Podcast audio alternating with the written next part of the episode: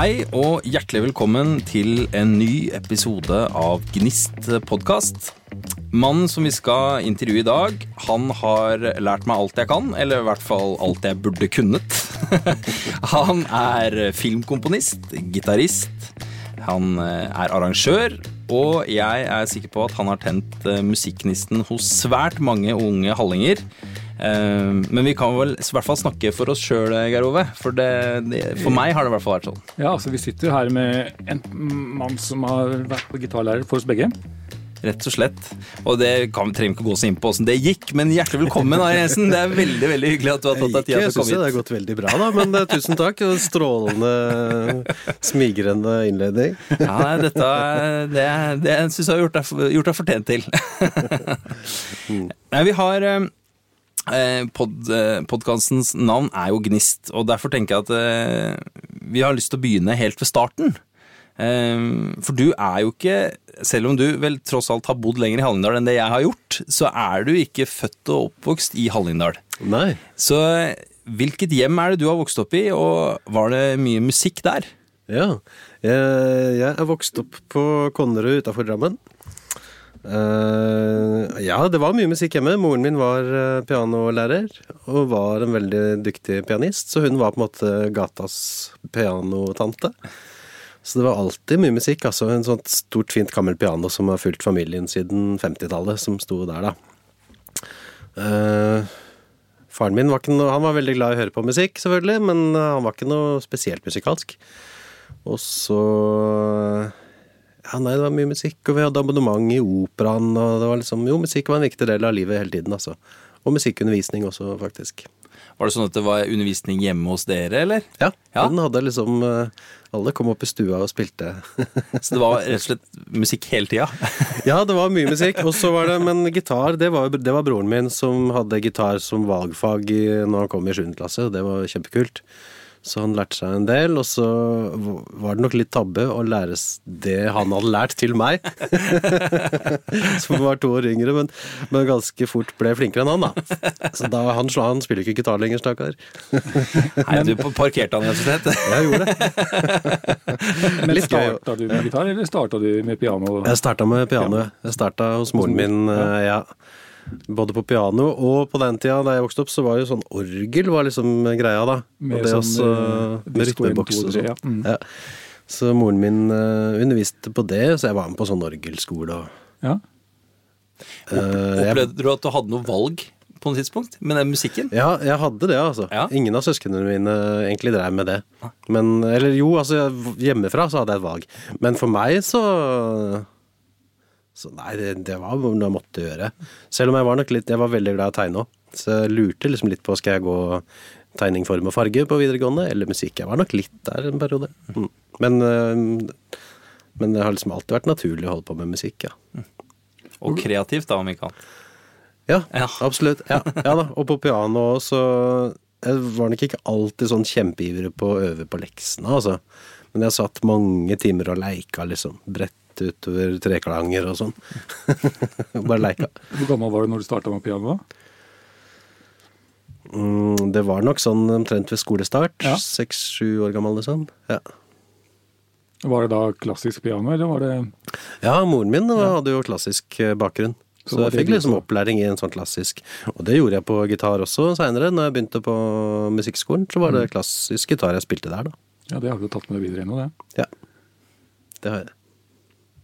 Kan du huske Jeg tenker i et, i et hjem som er så fullt av musikk, kan du, kan du huske første gang hvor du fant på en måte din musikk?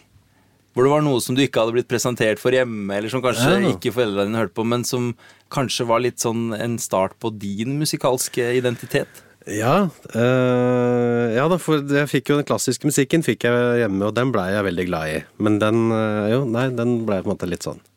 Den fikk jeg jo servert. Men, eh, men Santana var nok litt en sånn Jeg husker jeg kjøpte meg Kjøpte en Santana-plate før jeg hadde kjøpt meg plate Nei, jeg hadde platespiller, men jeg hadde ikke forsterker. Men hvis jeg satte på stiften og la øret liksom helt ned til, så hørte jeg litt. Rann. så det var nok en sånn greie. Men jeg tror kanskje den største aha-opplevelsen var på eh, det her programmet som Sigbjørn Nederland hadde på den tiden. Spesial, eller jeg husker ikke hva det heter. Men i hvert fall, han spilte The Royal Scam av Stille Dan. Don't Take Me Live, og da var jeg bare helt Det var et sånt øyeblikk. Hva var Så det det som var tok deg der. da? Ja, Hva var det der? En utrolig kul gitarintro, da. Og så Nei, det var liksom så annerledes. For det er jo poprock, men allikevel så har det et eller annet sånn derre veldig Ja, det er vanskelig å sette ord på. Det er bare så utrolig bra. Ja, er Selv om det var jo litt gammelt allerede da jeg For den plata kom vel i 76. Og for min del så skjedde vel dette her sånn rundt 81-80, kanskje, at jeg oppdaga liksom Stille Dan. da. Det er ganske interessant at du nevner Stille Dan. For det, Ja. det tenker jeg på når vi hører musikken også. For Steely Dan er jo Det er jo veldig Jeg opplever det som veldig ordentlig musikk. altså Det er flinke folk. Og, sånn, og det syns jeg gjenspeiler litt når vi hører på den musikken du også har lagd og gitt ut på plate. Det er veldig forseggjort og ordentlig. Er Ja. det, har du det med deg helt fra Stille Dan? Ja, det kan nok hende. Eh, ja. For det er ikke så mye det er som, ja, Hvordan skal jeg forklare det? Det er godt håndverk, det er godt håndverk. Ja. Man hører at det er liksom At det er Gjennomarbeida. Eh, At det er Ja. flinke kunstnere som har gjort det. Jo, men det er jo Jeg syns jo det er veldig bra. Ja, ja, det syns vi òg. Så takk for det. Men, men, eh, men samtidig så jeg har jo forståelse for de som sier at eh, nei, det blir bare sånn flinkisgreier og sånt noe. Og det, og det kan jeg også bli lei av, liksom. Det fins jo musikk hvor man føler at dette er bare flinkt, og så er det ikke noe mer. Mm. Så akkurat det der med Jeg er flink vær nå det, liksom. Men, eh, men at det skal være skikkelig håndverk. Og liksom, det er jo Det er jo et fag som Kanskje mer eh, en sånn perfeksjonisme da, som du har i, i Ja, kanskje som jeg det. kanskje også hører igjen i mye av den musikken du har skrevet. Da. Ja, ja, ja men det, det er jo fint å høre. Ja. Det fins jo verre ting å bli sammenligna med enn Stille Dan, vil jeg si. Men det er jo interessant hvor mange, hvor mange som senere har valgt å vie sitt liv til musikken, altså som du har gjort, som har Stille Dan som en stor inspirasjonskilde. Så det må jo være et eller annet der som treffer noe med de som er interessert i musikk. Ja. Det tror jeg. Samtidig som jeg, jeg prøver aldri, Jeg tror aldri jeg egentlig har gjort noe som skal ligne på Stille Dan, liksom. Men, uh, men det er absolutt en inspirasjonskilde. Men det er jo, hvis du først er i sånn pop-rock-landskap, så er jo også Hvis jeg liksom skal nevne noe som er viktig, da. Jeg nevnte Santana, for så vidt. Han var viktig for meg som gitarist da, på en periode. Men også Johnny Mitchell og Kate Bush har faktisk betydd veldig mye for min del, altså. Ja, nettopp. Hva er det som eh, treffer deg med de? Det er jo noe helt eh, Eller i hvert fall Kate Bush. Ja, Ja. det er jo litt Nei, mer er- rufsete, i hvert fall. Ja, litt mer rufsete. Og så er det, men det er det her at hun lager liksom helt sin egen verden. Det er liksom, det er bare Hun liksom lager et sånt nytt musikalsk univers, og så er hun der, og så er det ingen andre som kan entre det, liksom. Nei, nei, det er Nei, jeg syns hun gjør fantastisk spennende ting. Og tekstlig også. Mm. Ja, absolutt. Mm. Og sammen med Johnny Mitchell. Det er jo kanskje ikke det man tenker først eh, på eh, med deg, da. Med, hva er ditt forhold til tekst? Du som liksom komponerer og sant, skriver gitarstykker, og det er jo mye Ja. instrumentalmusikk. Ja, ja. Hva er forholdet ditt til tekst? Jo, eh, tekst er fint. Nei, det kan være fint. Jeg skriver faktisk noen tekster òg, vet du. Gjør du det òg? Ja, ja, ja. Fantastisk. Jeg gjør det. Mm. Oi. Men, øh, men det er ikke først og fremst det. Men, øh, men jeg har skrevet noen tekster. Du har skrevet en barneplate. Ja, det Ja, er jo tekstene. Ja. Ja. Og på den derre Det er kanskje en litt annen sjanger enn det du er mest bevandra i, kanskje. Men Jo, jo, det er det. Men, men tekstene der jobba jeg masse med, så det var veldig gøy å skrive. Mm. Så ja. det var, det var kanskje ikke så skummelt når du skulle være et barn? jeg vet ikke. Å skrive tekst? Eller? Nei, det, man skriver på en litt annen måte. Eh, Like skummelt, syns jeg, for det blir jo uansett så blir det vurdert av voksne. Ja, ja, for man synger jo gjerne den musikken sammen med barna. Men, øh, men man kan liksom leke med helt andre ting, da. Jeg kan hente fram Det er jo gøy og litt sånn barnslig humor. Så Bare synge om tull og litt sånn nonsenstekster er det jo litt av det der, da. Det er moro. Men ellers så, det du spurte om, jeg snakka nettopp med han eh, saksofonisten Carl Seglem. Ja. Og han sa liksom at eh, Nei, jeg liker egentlig ikke, liker egentlig ikke musikk med tekst, jeg, med sang, liksom. For, og egentlig så skjønner jeg litt hva han mener, for at eh, det er noe med at eh, noe av det som er så veldig verdifullt i musikk, er nettopp at det er såpass eh, abstrakt, på en måte. Da, ikke sant? Mens med en gang det kommer en tekst, så blir det gitt et meningsinnhold. Mens det er ikke der når det er bare instrumentalmusikk. Og det er en veldig fin kvalitet, det også. Absolutt. Ja, er veldig- Men eh, før vi bare mm, valser videre, vi må kanskje komme oss litt tilbake. For nå var vi hadde vært på pianotimene med mor og, Ja. og begynt å spille gitar med bror og sånn. Men eh, Ja. hvordan var veien videre, liksom?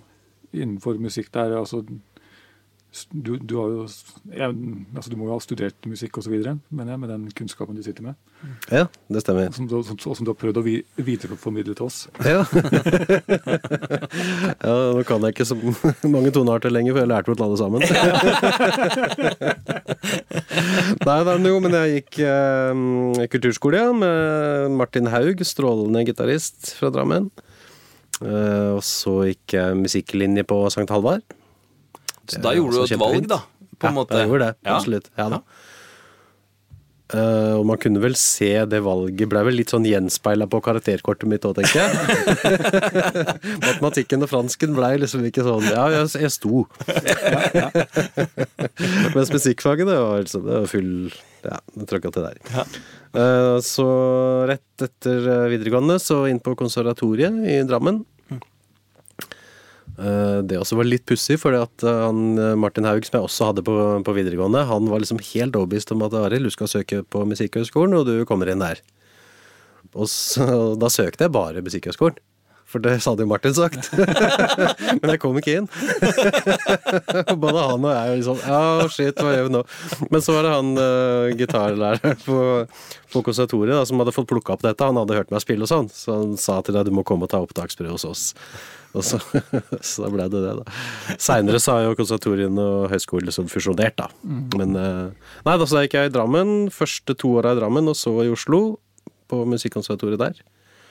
Uh, tre, så jeg gikk vel fem år da, der, med musikk. Og så jobba jeg jo noen år, så tok jeg noen sånn etterutdanning nå i seinere tid, da i filmmusikk. Ja, det må vi komme inn på litt, litt senere, for det er også veldig eh, spennende, tenker jeg. Men sånn utdanningsmessig Ja. så er det løypa. Ja, ja, ikke sant? Men da har du eh, i da den ungdomsperioden, altså når du går på St. Halvard og på musikklinjen sånn, altså, eh, var, det da, var det da som klassisk gitar, eller var det jazz, eller hva?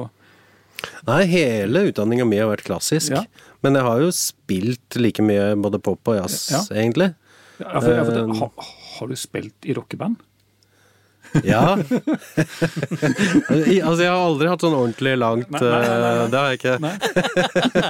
Jeg har ikke hatt så mange gitarer med vibarm. Liksom. Eller sånne som man kan skjære seg på. Det, følte jeg, det var sånn tegn Hvis du spilte i veldig tøft rockeband, Ja. så hadde du en gitar som var så skarp at du kunne kutte deg på den. Der, noe. Det er jo veldig tøft. Ja, Axe, liksom. Ja, ja, ja, ja. Det er riktig. Nei, så rocka har jeg ikke vært. Men, det, men jeg spilte det, Jeg spilte i et sånt countryrockeband. Sånn Ja. pubband, liksom. Det var uh, siste året på konservatoriet og et år etter der. Kjørte rundt i sånn svart uh, amerikaner og drakk øl i baksetet. så det var en periode. Men uh, ja. Jo Men jeg har, jeg har en, en venn av meg som når han virkelig skal liksom provosere klassiske musikere, så har han liksom en ting som han går til, og det funker. Det er ikke sikkert funker på deg, da, men, men det pleier å funke for han, for han spør alltid sånn ja, men eh, du spiller jo klassisk musikk. altså Du spiller jo bare coverlåter hele tida. Blir det ikke innmari kjedelig? sier han, og så blir de kjempesinte. Ja. Eh, men, men eh, jeg tror allikevel det er no, noe av grunnen til at de blir sinte, er nok òg fordi at det er kanskje noen som på en måte har en slags sånn tanke rundt klassisk musikk òg. At det er liksom egenarten i ligger i noe annet, da, eller på en måte enn selve stykket, eller Hva tenker du om en sånn utrolig dumt og uvitende utsagn som det? Nei, men det er jo det er, Jeg syns jo faktisk det er noe i det, på en måte. Men det er klart, altså det er øh, den, den musikkformen har jo en annen måte å bli formidla på. Det er litt som å Hvis du skal vise Van Gogh er jo død, liksom, men man kan henge opp det bildet i mange ulike gallerier. Og disse musikerne som spiller Bach og Beethoven, de er på en måte galleriene, kan man si det? Ja, Det syns jeg var et veldig godt bilde. Ja, litt ja, det synes jeg var veldig, veldig bra. Men samtidig så er det jo et problem i, eh, og særlig i orkesterlitteraturen kanskje, at eh, man spiller jo altfor mye Mozart og Beethoven. ikke sant? De unge, moderne komponistene slipper ikke til. Mm. Og, og det fins unge, moderne komponister som skriver uh, musikk som er adskillig mer lyttevennlig enn det man ofte tror. da. Man tenker liksom gjerne sånn det man før kalte pling-plong-musikk. Ja, Liksom. Men det fins mye musikk som ikke er det, altså. Som Ja. burde vært spilt mye mer. Man, man tenker da, Som Så- så tenker man fort sånn samtidsmusikk. eh, Ja, ja, ja. Og samtidsmusikk eh, har liksom utvikla seg, det òg. Så det Ja. er mye av det som er rett og slett veldig fint for mange å høre på. Så det, jeg syns nok at det er litt for mye covering, ja. Også i klassiske altså, Du spiller det samme repertoaret, liksom. Det er Tsjajkovskij og Mozart og Beethoven Ja, hele men, tiden. men du som er så inne, for der er det en ting jeg har lurt på. Eh, når de framfører disse klassiske verkene, har de da rearrangert noe, eller er ikke det lov? Eller er, skal det spilles sånn som det står i partituret? Eller er det rom for improvisasjoner? Sånn Nei Nå skjønner du hvor dumt spørsmål du stilte. Geir. Nei, da, men det var ikke så dumt. Fordi at hvis du, hvis du som turist reiser til Praha før jul, så spilles det Smetana liksom Ja. overalt. Men det er et orkester med fem til åtte musikere, liksom. Det er ikke sånn det ble skrevet. Nei. Det er ikke sånn Dvorsak har skrevet. Og, ja. Så man gjør jo sånne type tilpassinger. Ja. Men, men i Oslo-filharmonien så gjør de ikke noe rearrangering eller sånne ting. Nei. Eh, Det hender at de tilpasser eh, Ja, eksempel Oslo-filharmonien, hvis de skal spille uh, Beethoven. Og det gjør det jo. Ja, ja det, det. Så hender det at de gjør litt justeringer i forhold til antall uh, instrumenter på hver gruppe. da. Ja, at de legger til en hornist ekstra eller noen stryker ekstra. Nei, Nei. de kan ikke begynne å skrive om, nei. Da blir det liksom Nei, det blir noe annet. Men hva er det altså, Jeg har jo vært eh, og hørt en Jeg har vært og hørt ikke, kanskje ikke altfor mye som klassisk, men jeg har vært og hørt men så, eh, Når du da går og hører et symfoniorkester som spiller noe av Beethoven, da, forvent, er det da akkurat det samme som du forventer liksom, fra en annen? Nå er jeg liksom litt på vidden, men liksom, Ja. er det liksom den, Du hører det samme da, Ja, hele tida. Ja. Hva er det man hører etter? Ja, ikke sant? Ja. Nei, men heldigvis da, så er det ulikt. Ja. Det er veldig ulike måter å tolke ting på. er det klangen, eller er det Ja, altså, det er klangen og tempo og dynamikken og, og liksom følelsen i musikken. Hvor mye, på en måte, hvor mye skal man strekke, hvor mye sånn emosjonelt skal det være, og hvor mye liksom Hvor tøft skal det være, og det er mange, Toning mange ting. og- Ja, ja. ja. Ja, Mm. for det er jo Jeg mener, jeg husker når jeg begynte å høre på klassisk musikk, da, da var jeg vel sikkert en ja, 17-18 år, tenker jeg kanskje. Så jeg begynte liksom også å lytte på det, ikke bare at det sto på der. Men da husker jeg, da var det sånn, når jeg var student, da, så hadde du ikke mye penger, men da gikk du og kjøpte ut sånne billige klassiske CD fra noe som heter Nek Naxos. Naxos. Ja. Ja. Men så merka jeg da, hvis du da kjøpte en annen av samme verket, da, som kosta da 150 kroner, ikke sant, istedenfor, Ja. Så låt det, så var det mye bedre. ja, ikke sant? Men jeg klarte aldri å sette hvorfor, liksom. Hva er det? Nei. Men det har kanskje noe med det symfoniorkesteret da, som spiller det. At det andre var kanskje litt mer sånn Ja, det kan absolutt ha noe med ja. du Ja, ja. ja, det kan Så være det. sånn. Ja, ja. Sånn, Jo, det kan, det kan være både orkester og dirigenten, og det kan også være sjølve innspillingskvaliteten, sånn det er teknisk sett. Så det er store forskjeller.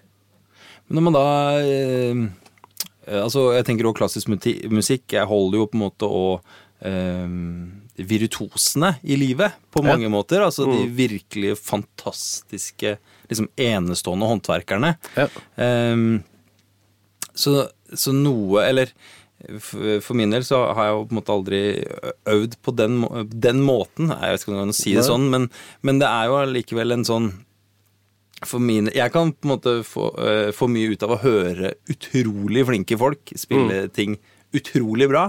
Det er på en måte noe av den kvaliteten ved klassisk musikk. da, Eller hvor, hvor kanskje det hvor, hvor dyktig håndverker du er, i større grad eh, ja, farger opplevelsen din. Hvis du går på en litt sånn pubete pub og hører noe annet enn Lørdagskveld som går i G-durs, og det er litt surt, og så er det liksom en del av pakken Det er liksom noe annet. Altså det er noen andre preferanser Ja, og forventninger, ikke sant? Det er liksom en helt annen type opplevelse. Ja, ja, ja. Så det å få på en måte gå og se eh, Og det ikke, med symfoniorkester så er det jo et eller annet om å være, være i det rommet Ja. når det spilles òg, som er en opplevelse liksom Ja, det er det. Altså, Å se alle strykerne gjøre disse bevegelsene. Det er jo flott. liksom samtidig og så flytter der- det liksom Det flytter luft Mm, på en helt annen måte enn en mange andre Ja, helt klart. Fra musikk. da hvert av de nesten 100 instrumentene der, liksom, så er det luft som flyttes. Ja. Det er noe som skjer da, altså. Ja, det er noe, det Ja, er noe magisk. Det er noe helt annet å se det live enn å høre det på CD. Ja. Det, er jo, Mm. det blir liksom litt flatere på CD. Ja. Ja, det å skulle greie å fange MP3 det. er- Eller MP3, ja, på CD. Ja, ja det er riktig. Men eh, når du, når du begynte først i Kristoffer, for det var- Du sa det var konservatoriet i Drammen? Ja. ikke sant? Var det, Når du da etter hvert eh, bytta til Oslo, var det da noe forskjell, opplevde du, i på en måte hvilken um, kvaliteter som ble lagt eh, mest vekt på, f.eks.? Var det ulik eh, pedagogikk eller ulike eh, parametere du liksom følte du ble målt på? Nei, det var det egentlig ikke, for det var, det var mye av de samme lærerne, rett og slett. Så Ja. det var liksom litt sånn, det var bare en avdeling i Drammen. Men, eh, men det som skjedde da jeg kom til Oslo, var at det var et mye større sted. Og der var det liksom et miljø for strykere og sånt, og det hadde vi ikke i Drammen. Så det ble en stor endring. Og jeg møtte jo nye mennesker, og det er alltid gøy. Det her konservatoriet i Drammen var nok litt sånn folkehøyskolestemning, tror jeg. Ja, Og vi bodde, de fleste av oss bodde liksom på det samme hybelhuset. Og, øh, ja, og vi hadde nøkkel og gikk om og gikk som vi ville. Og det var veldig artig. Fantastisk. Men starta da allerede på konservatoriet, så starta allerede da interessen for liksom arrangering og komponering? Ja, ja før det òg. Jeg Ja. skrev låter på Og da skrev jeg låter liksom Ja, på videregående. Ja. Skrev liksom poplåter sammen med kamerater. Og, ja. Så, så det er liksom fulgt deg hele veien, egentlig. ja. Ja, det, det tror jeg kanskje ikke dere har googla fram, men i når kan det ha vært da? 86 så vant jeg en sånn konkurranse som Drammens Tidende lyste ut. Ja, men det Så var det en sånn der låtskriverkonkurranse hvor vi vant timer i studio. Da. Så ja, det kom, jeg kom på andreplass der og fikk en timer i studio. Det var gøy. Med Asle Karlstad som tekniker. Oi. Ja. ikke Han jobba på Konrud på den tiden. Ja, ikke noe småtteri. Nei, det var veldig moro å vite om nå etterpå, liksom. Men de klippa ligger ikke på Spotify. Nei, de er ikke på Spotify. Nei. Da får vi ønske oss der, jo, at de kommer dit. Åssen og, og som type låt eller verk var det du lagde da? Eller skrev? Ja, det som jeg, vant, jeg var veldig opptatt av sånn alternativ pop og avantgarde-ting Ja, ja, liksom, på den ja. tida der. da Sånn type Laurie Anderson og Brian Eno og sånne ting. Så det var vel nok litt sånn i det landskapet der. Sånn krysningspunktet mellom samtidsmusikk og pop. Hvis dere vet omtrent sånn Ja, ja, hva jeg er inne på? ja, Ja. ja. Brian Eno er i hvert fall en referanse jeg tenker er Ja. ganske Laurie Anderson, vet du, det er hun med ha, ha, ha, ha, ha, ha, Oh, Superman. Å ja, nettopp! Der. Fantastisk låt. Hun har en sånn, det er sånn båndsløyfe som går med det derre ha, ha, ha, ha. Hele låta. Hele låta? Hele Dette låta. må jeg inn og høre etter. Dette må du sjekke. Ja, det skal jeg sjekke ut. Ja. Det er ikke, den har, det er, akkurat det har gått meg hus forbi. ja, men eh, og det jeg tenker, det er jo noe eh, Eller kanskje ikke det er så, så mm, jeg vet ikke, men jeg tenker det, klassisk eh, skolert, skriver også popmusikk. Altså her, er, her beveger du deg jo egentlig hele bredden av musikk, da. Mens kanskje for min del som har, på en måte har holdt seg innenfor det her populærmusikk eh, på en måte biten, så oppleves nok Jeg opplever nok skillet til klassisk musikk som veldig stort. At det er på en måte Ja, men de holder på med sine ting, og så holder vi på med våre ting borte her, og vi veit ikke helt hva vi driver med, og det vet de. Og, det, og derfor så blir det litt sånn for, Derfor blir det litt ulikt. Men her eh, Ja, her eh, utfolder du deg jo egentlig hele veien, da. I begge begge på en måte leire. Opplevde du, Tenkte du liksom over det sjøl? Eller var det mer sånn at musikk er på en måte våpenet, og så kan du gå ut med det hvor du vil? på en måte? Ja, eh, ja, jeg har tenkt sånn. Men jeg har jo møtt eh, Jeg husker jo han tidligere nevnte gitarlæreren Martin Haug. Han sa liksom at, det, at jeg måtte ta et valg. Ja. Men det gjorde jeg jo egentlig aldri. Da. Så da gikk det jo som det gikk, da. Men hva, Så- Hvorfor tror du han mente at du måtte ta et valg? Nei, Han syntes nok at jeg burde ha brukt mer tid på øvinga. Det var nok rett og slett så enkelt, tror jeg. At jeg burde bruke mer tid på å øve enn å holde på med det her akkordspilling og improvisasjon. Jeg tror det var det der. Nei, men, men øh, jeg tror at, øh, at det fins flere som, som meg egentlig nå. Det er ganske mange som holder på med både pop og klassisk musikk og sånn om hverandre. I hvert fall av låtskrivere og komponister, tror jeg. Så er, det som ja, Grensen er ikke så Veggene er ikke så høye lenger, tror jeg. Hva, hva slags fordeler føler du at det gir deg at du har den klassiske bakgrunnen som du har? Inn i f.eks. popmusikk? Um, nei, man får et veldig godt språk om musikk, det tror jeg. Og så er det jo det åpenbare med å kunne skrive ut arr, da. Hvis du skulle ha vært i studio og skulle ha med deg tre blåsere, så må de ha noter. De kan ikke bare spille, eller? Nei. Så det er et Det er derfor vi aldri har blåsere og det- Så det er en veldig, det er en veldig fordel. Ja, selvsagt. Ja, det, det er et godt poeng. Absolutt. Men tror du det også, det fundamentet du har for klassisk musikken, tror du det har vært med å forme liksom, måten du skriver musikk på? Ja, det tror jeg nok. Ja. ja det er klart jeg har jo med meg liksom mye av teorien, da. Mm, ja. Harmonilær og alle, alle sånne ting, liksom. Og det bruker jeg jo også i pop, jazz. Ja, ja, ikke sant? Særlig jazz, kanskje. Ja, formlære og harmonilære og alle, alle de tingene. Mm. Etter hvert så setter du jo da øh, Vender du nesa mot Hallingdal? Hva er det som øh, gjør at du tenker at det er hit du skal? Var det ikke mange andre mer spennende steder? Jo, det kan du si. Jeg var, jeg var jo sånn at når jeg liksom kjørte Jeg, jeg var jo sammen med Gunhild den tiden òg. Og vi kjørte rundt omkring på sånne steder som dette, så så vi oss rundt ut av bilvinduet og så Og her bor det folk! Her bor det folk! og så skulle vi flytte et sånt sted. det var litt rart. Nei da, men det var eh, det, Jeg flytta hit akkurat idet Hellbillies eh, liksom tok av, slo gjennom.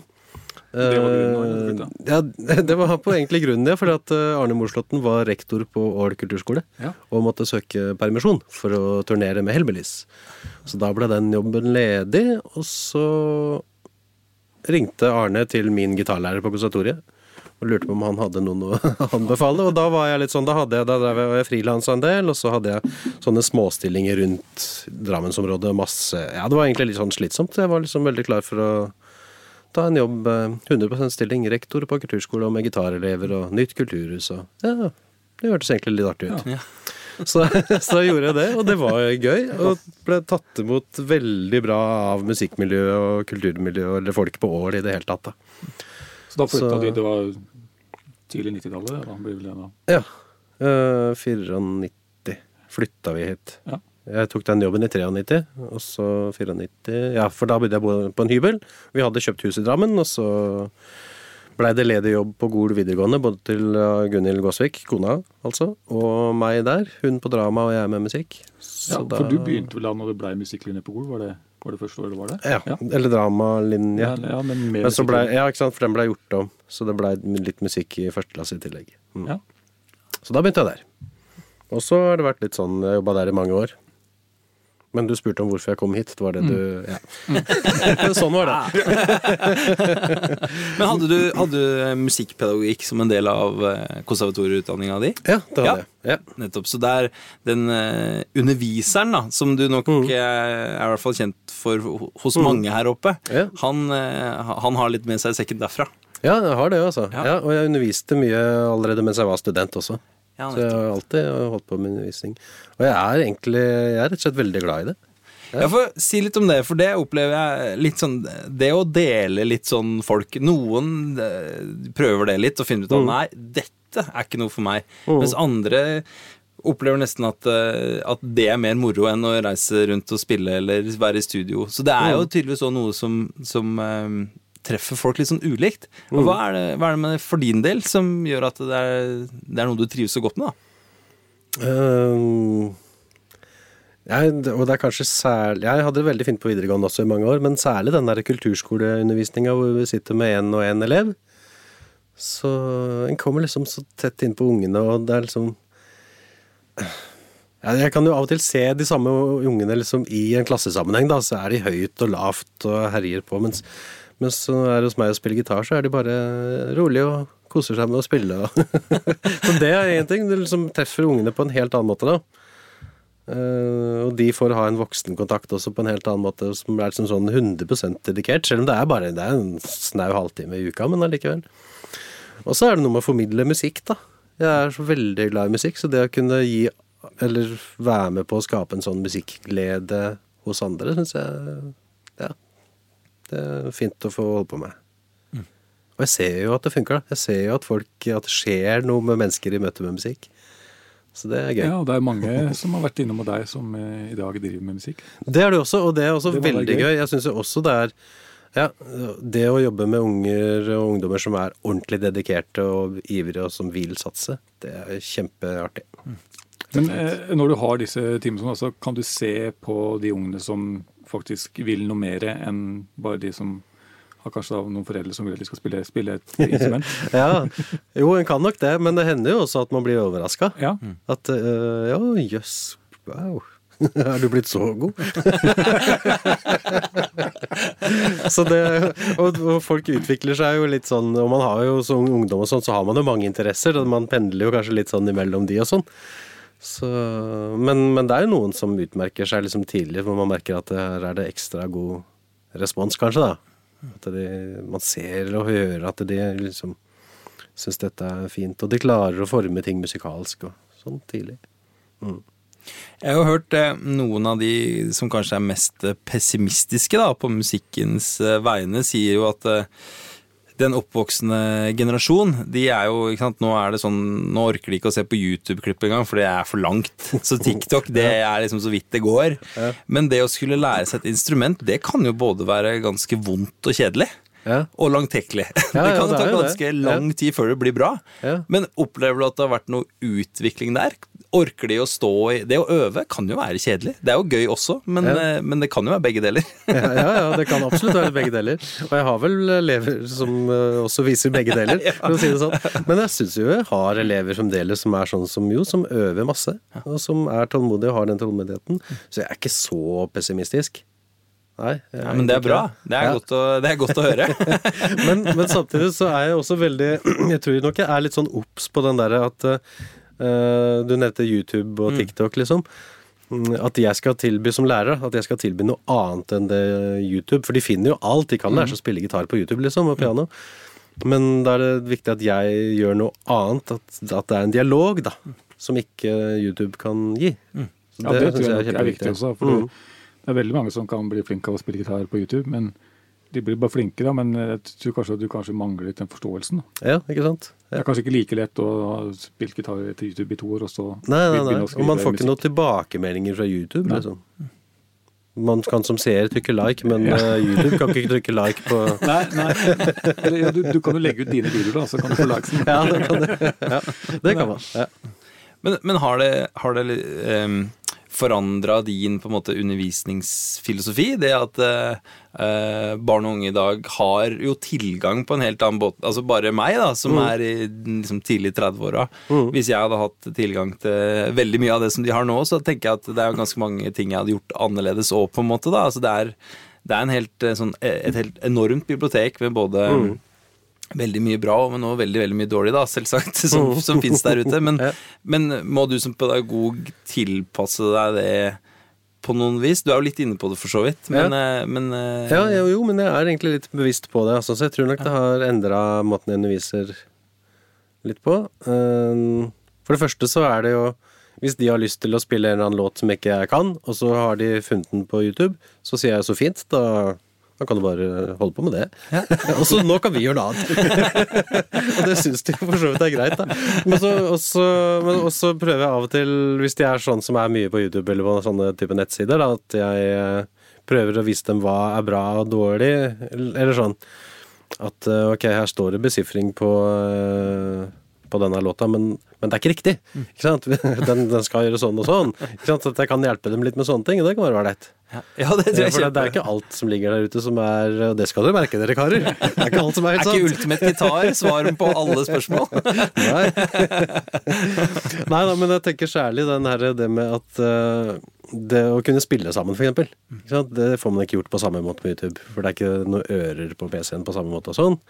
Så den delen av undervisninga hvor, liksom, hvor vi er måte aktive, både eleven og jeg, da, gjør liksom aktiviteten sammen, den tror jeg er enda viktigere nå.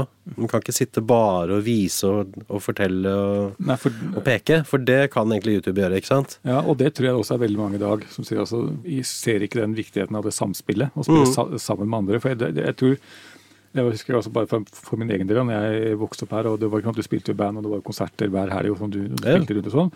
Men etter at vi flytta tilbake nå, så er det ikke, føler jeg ikke at det er like mye av det. Altså, Nei. Det jeg har opplevd av det, er det, er mye, det skjer mye i forbindelse med kulturskolen. kulturskolen men sånn at det er sånn noe band som spiller, har jeg ikke altså Jeg tror liksom det sitter veldig mange på gutterommet eller på jenterommet sitt og, Mm. og og sikkert er kjempeflinke og spiller for seg sjøl og sånn, men det der å ha det, det samspillgreiene For det, det er jo store deler av det som er musikk, da. Ja, det er det. Nei, og det, men det, det er helt riktig det du påpeker der, at da dere var yngre, så var det jo mye mer band. Så hvor er alle disse banda? Det vet jeg ikke helt. Jeg tror kanskje det er litt sånn type sånn idol-ting som har skjedd òg. At det er, liksom, det er så veldig mye frontfigur en- en og solister og sangere, liksom. Og så kan du jo i dag sitte hjemme med en datamaskin og Ja, lage det meste hvis du er tålmodig. Og Ja, ja, absolutt. Ja. så, så får du til det. Men det, det, men det tror jeg du, da- du da som en sånn kulturskolelærer, så tror jeg det er veldig viktig å få, få, få formidla det da, med samspill. For at du Mm. skal få, jeg tror du får mer glede av musikken da enn å sitte hjemme og legge ut YouTube-videoer. Ja. Hvor flink du er. Ja. Jeg. Ja, jeg synes det har vært Jeg opplevde det når jeg underviste i Jeg har jo jobba på folkehøyskole og undervist i sånn type samspill. Og når man da har fått utrolig flinke folk i samme rom, og så funker det ikke. Nei. Og så er det sånn Ok, folkens, hva er det som skjer her? Hvorfor det, Alle spiller jo liksom for så vidt riktig. Altså Det er ingen som spiller sult, eller at det er feil. Men det funker ikke. Det er denne lomma, pocketen. Ja, det er den pocketen. Men det er, da handler det jo om samspill. Den kan du ikke lære på Ikke? YouTube. Nei, den kan du ikke lære på YouTube. Og det å lytte, tenker jeg, det er nesten Det alltid det, det jeg opplevde var Lytte og ikke spille. Ja, ja, ja det også. Jo, men hvis alle spiller har øvd seg inn eh, et, eh, en låt da, av et eller annet av eh, de som jeg har jobba med, har jo jobba mye med sånn type ja, soul, eller sånn type sånn snarky puppy, eller som er litt sånn her eh, Ordentlig flinkismusikk. Ja, eller i hvert fall flinkismusikk, vil jeg definitivt kalle det. Ja, Nåtidens Steely Dan. Ja, det er kanskje det. Veldig kult, da. Ja, jo, for all del, og veldig flinke. ikke sant? Og, og de elevene jeg har hatt òg, har vært veldig flinke. Men så, men så sitter man på en måte i det samme rommet, og alle kjenner det.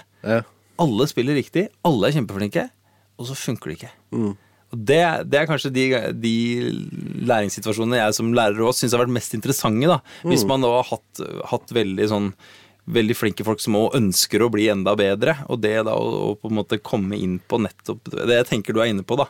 Som handler om å lytte, og som handler om at samspill er noe annet enn å spille sammen. At det er, det er noe annet som gjør Ja. at det funker eller ikke ja, er funker. også. Ja. Mm. Så er det noe som er sånn magi på et eller annet vis, som bare Noen funker jo bedre enn andre, for eksempel. ja, ja. Men så er det også den, der, den sånn helt enkle samspillet hvor jeg sitter med en gitarelev, og så, uh, og så komper jeg og han spiller melodi, og så, og så ofte så er det sånn at uh, jeg skal lage et lite forspill, og så skal du begynne å spille når du hører at det passer. Og da trenger jeg ikke gjøre noe mer. Da trenger jeg ikke å telle 1, 2, 3, 4, liksom. men de skal høre det. Det er det som er poenget mitt. Det er musikken sjøl som skal gi Ja, signalene, liksom. Er litt sånne ting. Og så opplever jeg at det, å, det låter fint, liksom. Ja, ja, ja. Jeg hadde en elev som spilte den der Flåklypa-melodien. ja. Den er jo veldig fin. og så hadde han spilt, og jeg spilte ved siden av. Og han fikk helt sånn tårer i øynene. Og han sa det sånn «Å, Det er så fint at jeg begynner å grine. og det var en sånn der svær guttunge. Det er jo fantastisk, fantastisk, Ja, det var veldig gøy. Ja, det- Han ble helt rørt av sin egen spilling. Det er, veldig fint, syns jeg. Ja, det er veldig bra. da har man fått noe da, tenker jeg.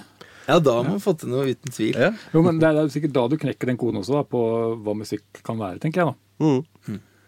Eh, På at du faktisk klarer å ja, så Da har du på en måte fått deler av det språket. Du, du skjønner, du kan Ja. snakke dem, at det istedenfor bare stave, Ja, sant. Mm. stave det. Mm. Men da er du kulturskolerektor og har gitarelever og i det hele tatt. Og så begynner du å studere filmmusikk etter hvert. Ja. På Lillehammer. Ja. Stemmer det? Mm. Ja. Nå hopper vi litt, gjør vi ikke det? Gjør vi det? For jeg mener å huske Jeg hadde deg som gitarlærer eh, når jeg gikk på Ja, det var vel når jeg gikk på videregående, tror jeg begynte å ha deg som lærer. Eh, når du kom ned og Men du gikk i kulturskolen? Ja, jeg gikk i kulturskolen, ja. Jeg gikk ikke på musikklinja. Nei. Eh, men jeg gikk i kulturskolen, og da hadde jeg deg. For jeg tror, jeg tror du begynte å ha gitartimer på Gol da, kanskje? Stemmer det? Ja, jeg hadde gitartimer på Gol mens jeg jobba på videregående. Ja, ja Tenker jeg. det stemmer. ja. Så Ja. der jeg hadde deg da. Og da Ja. For det, altså, det var også på den tida du starta dette Lystjazz-ensemblet. Ja, det var det nok. Jo, jo. Ja, Mm. for det husker jeg jo. Å ja. ja. Det var du og ja, Ja, så at altså Per definisjon så er vi et band ennå. Vi vil Ja. bare spille veldig veldig sjelden. Men, sånn Syklubb slash band. jo da, med Tor Egil og Espen og meg og Audun. Ja, mm. For det, var, for det har jo vært dere fra starten av. Det er dere som plutselig dukker opp og spiller Ja. i, ny, i ny, eller i ned, kanskje. nå. Mer enn ned, ja. ja. I utgangspunktet så var det med Harald Haugen på saksofon, og ikke Audun Haugeplass. Nei. Men Harald Haugen med Han heter ikke Jeg lurer på om han Han flytta litt opp og ned. Ål, Oslo. Det kan Han jobba som kokk, og veldig god kokk. Og veldig bra saksofonist. Fint. Så han var med til å begynne med. Ja, Nei, for det, det her husker jeg også. Og og, altså, da kom det jo en skive også med dette. Men Ja. det kom kanskje noen år etterpå. Så det er ikke akkurat årstallet. Nei, den kom Den ble, ja, den ble spilt inn enda mye før. Ja, okay, Hvis, ja. Den ble bare liggende. og Jeg surra jeg var så treg. Men den, jeg syns egentlig faktisk den er fin. Ja, absolutt. Ja, ja. Den er jo Men Så- den eh, For da, da tenker jeg da, så Når du kommer da fra denne skolerte konservatoriet og sånn, og mye av den musikken man på en måte da har opplevd med deg, er jo da veldig arrangert sånn. Men her sånn så er det jo en jazzskive. Ja. Hvor mye av disse låtene er som gjennomarbeida, og hvor mye er det som er eh, improvisasjon? På det, Ja, altså, I um, lystjazz-sammenheng. Ja. De er jo De er egentlig bygd opp ganske mye på sånn klassisk uh, jazzvis. Det er liksom presentasjonen av tema, improvisasjon over den akkordrekka i det temaet, og så tilbake til temaet. Det er sånn storformen til de fleste her, men så er det noen hvor det skjer litt mer sånne kompositoriske ting i midten kanskje også. Men arrangementene, liksom når vi spiller uh, Streiten De er ganske satt, for så vidt, altså. Ja.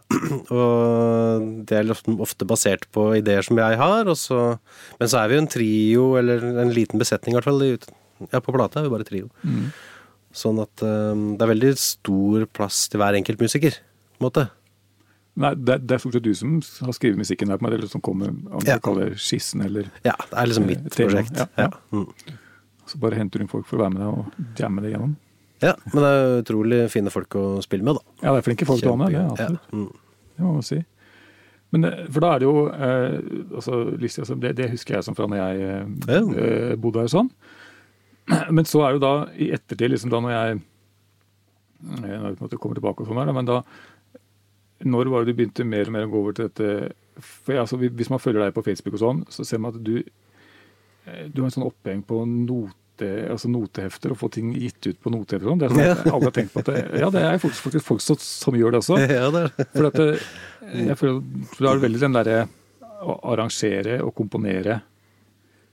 Når er det For jeg føler at det kanskje tok litt mer av etter eh, det Lystia-greiene. Så jeg føler at det liksom har tatt mer av over den Ja, jeg har nok gjort mer Ja, det stemmer nok. Jeg har gjort det hele tiden, men jeg har nok fått gjort enda mer av det nå i det siste, ja. Ja. Eh, Det kan litt forklares såpass enkelt som at uh, ungene har flytta ut. og kona har delvis flytta ut òg, ikke sant. Hun bor i Oslo annenhver uke, da. Ja. Så at jeg har liksom mye tid. Og så var Du nevnte jo så vidt det her filmmusikkstudiet, men det ga meg en sånn veldig boost da på Ja. dette her med å skrive musikk, og jeg fikk liksom veldig gode liksom det, tilbakemeldinger. altså det. For det, Ja, det var nok det mye. det, det var jo på Lillehammer. Ja. Eh, Var det det første sånn kullet liksom som Eller hadde den lille linja vært før da? Nei, vi var det andre kullet. Andre kullet, Ja. Men der eh, jeg mener, jeg bare finne notatene mine for jeg mener at eh, der har du gått med altså du har, Det kullet du gikk da, altså skjønner at der gikk du sammen med Kjetil Bjerkestad, Gisle Kverdok, Tormod Teite-Vik og sånn. Det er jo Ja, ja. Fantastiske folk, altså, du. Kjempefolk. altså Hvordan Ja. er det liksom å være i et sånt studiemiljø, liksom? Det må jo Ja, være ja, ja. Nei, det var, jeg var litt sånn Jeg var faktisk litt nervøs, liksom, da jeg skulle inn der første gang, da. men, men det, nei, det var helt, helt supert. Det var helt fantastisk, rett og slett. Og vi hadde så Vi lærte jo innmari mye av hverandre, da. Eh, Ja, for altså, så det var hvordan, er liksom det, jeg tenker, hvordan er det å være lærer med de elevene, tenker Ja. jeg. ja, han, Haldor Krogh het han. Han øh, jobber der, og så har han også vært produsent i, i KORK da, i mange år. Ja. Så han også kjente nok på det. Ja. For de, alle de der hadde jo mye mer eh, verk og musikkarriere på mange måter da, å vise tilbake til enn han Ja. hadde på den måten. Men, men det var noe av poenget med det studiet. Var at mm. han, han Haldor forventa at vi skulle kunne skrive musikk. Det var ikke det han skulle lære oss. Vi skulle lære oss musikk opp mot film. Musikk og alle verktøy der, det måtte vi kunne. Også, Du har jo skrevet noen, altså en del musikk for, eh, altså til uh, bilder, men hadde du gjort noe av det før du Ja, jeg hadde skrevet til, eh, til to sånne barne-TV-produksjoner. Ja, Det var før jeg begynte der. Og det var nok noe av det som ga meg litt sånn eh, For det første så var det det jeg leverte som sånn opptaksprøve til dels. ja, ja. Og så var det nok noe av det som åpna liksom mine øyne for at dette kunne være moro da, å holde på med. ja ikke sant? Er det disse, var det, er det for Vi fant den her, du har skrevet noe til Ormen i Seljordsvannet, Ja. Ridder, en animasjonsfilm. Ja, der lagde jeg ikke musikken. Der har jeg bare lyddesign. Ja, men, eh, ja, ja, men, for selvgjørs... lyddesign, jeg, ja, det, men musikken til en ridder, han kjenner jo dere det. Han Joakim eh, Han er vel gift med henne, så er det Solhjell eh, Å ja, Frøystein. Joakim Frøystein. Frøystein, eh, ja. Jazzgitarist. Ja. Eller eh, gitarist. Ja, ja. Han lagde musikken der, egentlig. Akkurat. Ja, nettopp. Og det har jeg tenkt på etterpå, for at det var veldig fin musikk. Ja. Men jeg hadde lyddesign og var litt sånn freidig, så jeg drev og klipte og herja med den musikken hans fælt. det skal man ikke gjøre, altså. Det er skikkelig dårlig gjort. Men, eh, men det blei fint, da. Men eh, det var dårlig. Jeg syns det var litt Men, dårlig. gjort. men altså, lyddesign, er det noe du har hatt interesse for før det her, eller bare var det du, du hoppa i det på, på den Ormen-telefonen, liksom? Eller? Nei, det syns jeg også alltid har vært interessant. Og det kom litt eh, gjennom jobben på videregående. Det jobba også på medielinja Ja, der, ja, egentlig. ja, stemmer. Så, så den interessen og kunnskapen om det liksom eh, kom samtidig. Ja, For det er noe så helt, jeg- helt annet enn å skrive musikk. Ja, ja. Det er noe helt annet. Men det er klart det er en del av de samme tingene. da. Det handler om lyd som virkemiddel, på en måte. Ja, absolutt, men jeg tenker det som lyddesign, så tenker jeg ofte hvis du tar en lyd og gjør den til å være noe helt annet. altså veldig Mm. Hvis du ser på, hvis du ser på amerikanske filmer i dag, altså, det er veldig morsomt. Jeg følger en sånn eh, på YouTube som sier, hvor de da regenererer en del av disse lydklippene. Det er ufattelig hvor mye rart de bruker for å lage de Star Wars-lydene. Ja, ja, ja, det er det. Ja. Det er helt, men det er jo et eget fagfelt. Ja, det er det. De som jobber med sånn Foley Ja, ja. Liksom, mm, Det er morsomt. Jeg gjorde jo litt av det på den der Ridder, da. Det er noen sånne der effektescener i den uh, filmen. Så der drev jeg med Jeg lagde, ja, Jo, for han ene der har på seg en sånn rustning, ja. Og jeg tenker når den går, ikke sant, en sånn gammel rustning, det blir noen knirkelyder. Og de fikk jeg til innmari fint på peisdøra hjemme.